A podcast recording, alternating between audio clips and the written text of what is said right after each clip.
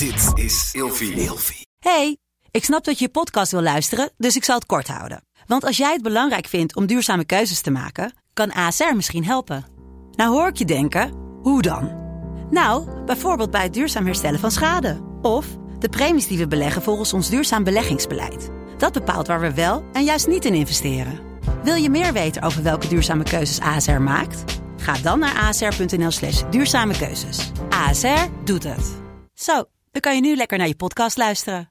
Vroeger.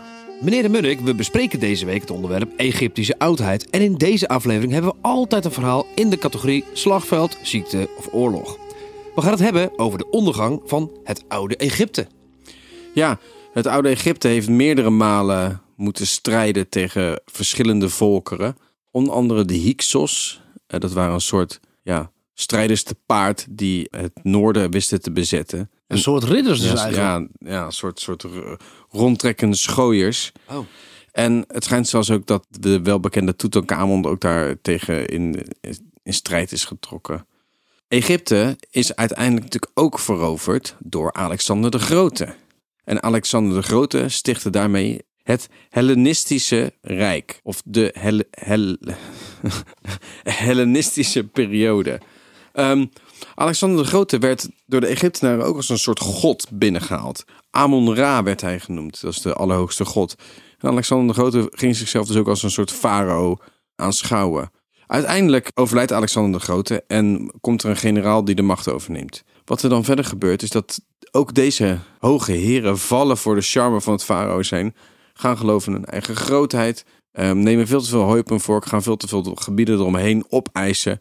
En dan volgt er weer soort staatsgreep waardoor er een andere gek aan de macht komt. Maar de ondergang van het oude Egypte, wat houdt dat dan precies in? Wat eindigde er op eh, 300 jaar na Christus? Of voor Christus, sorry.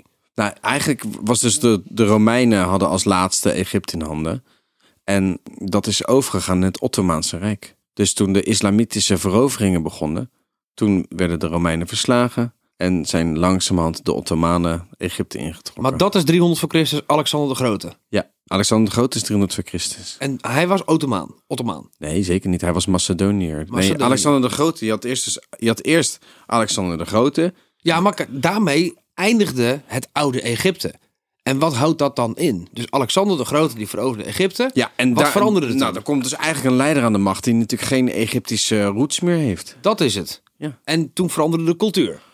Nou, juist niet. Degenen die daar kwamen, zowel de Romeinen als dus de Grieken, om het zo maar te zeggen, Ja. die omarmden dus het eh, Egyptische geloof, de Egyptische cultuur. En die vonden het eigenlijk wel mooi. Dus je kreeg, je kreeg een soort hybride vorm van culturen. Een soort melting pot. En toch wordt het gezien als een nieuw Egypte. Ja, en sterker nog, het was een zeer voortvarend Egypte. Met Alexandrië als een soort wereldstad. Wauw. Tot morgen. Vroeger.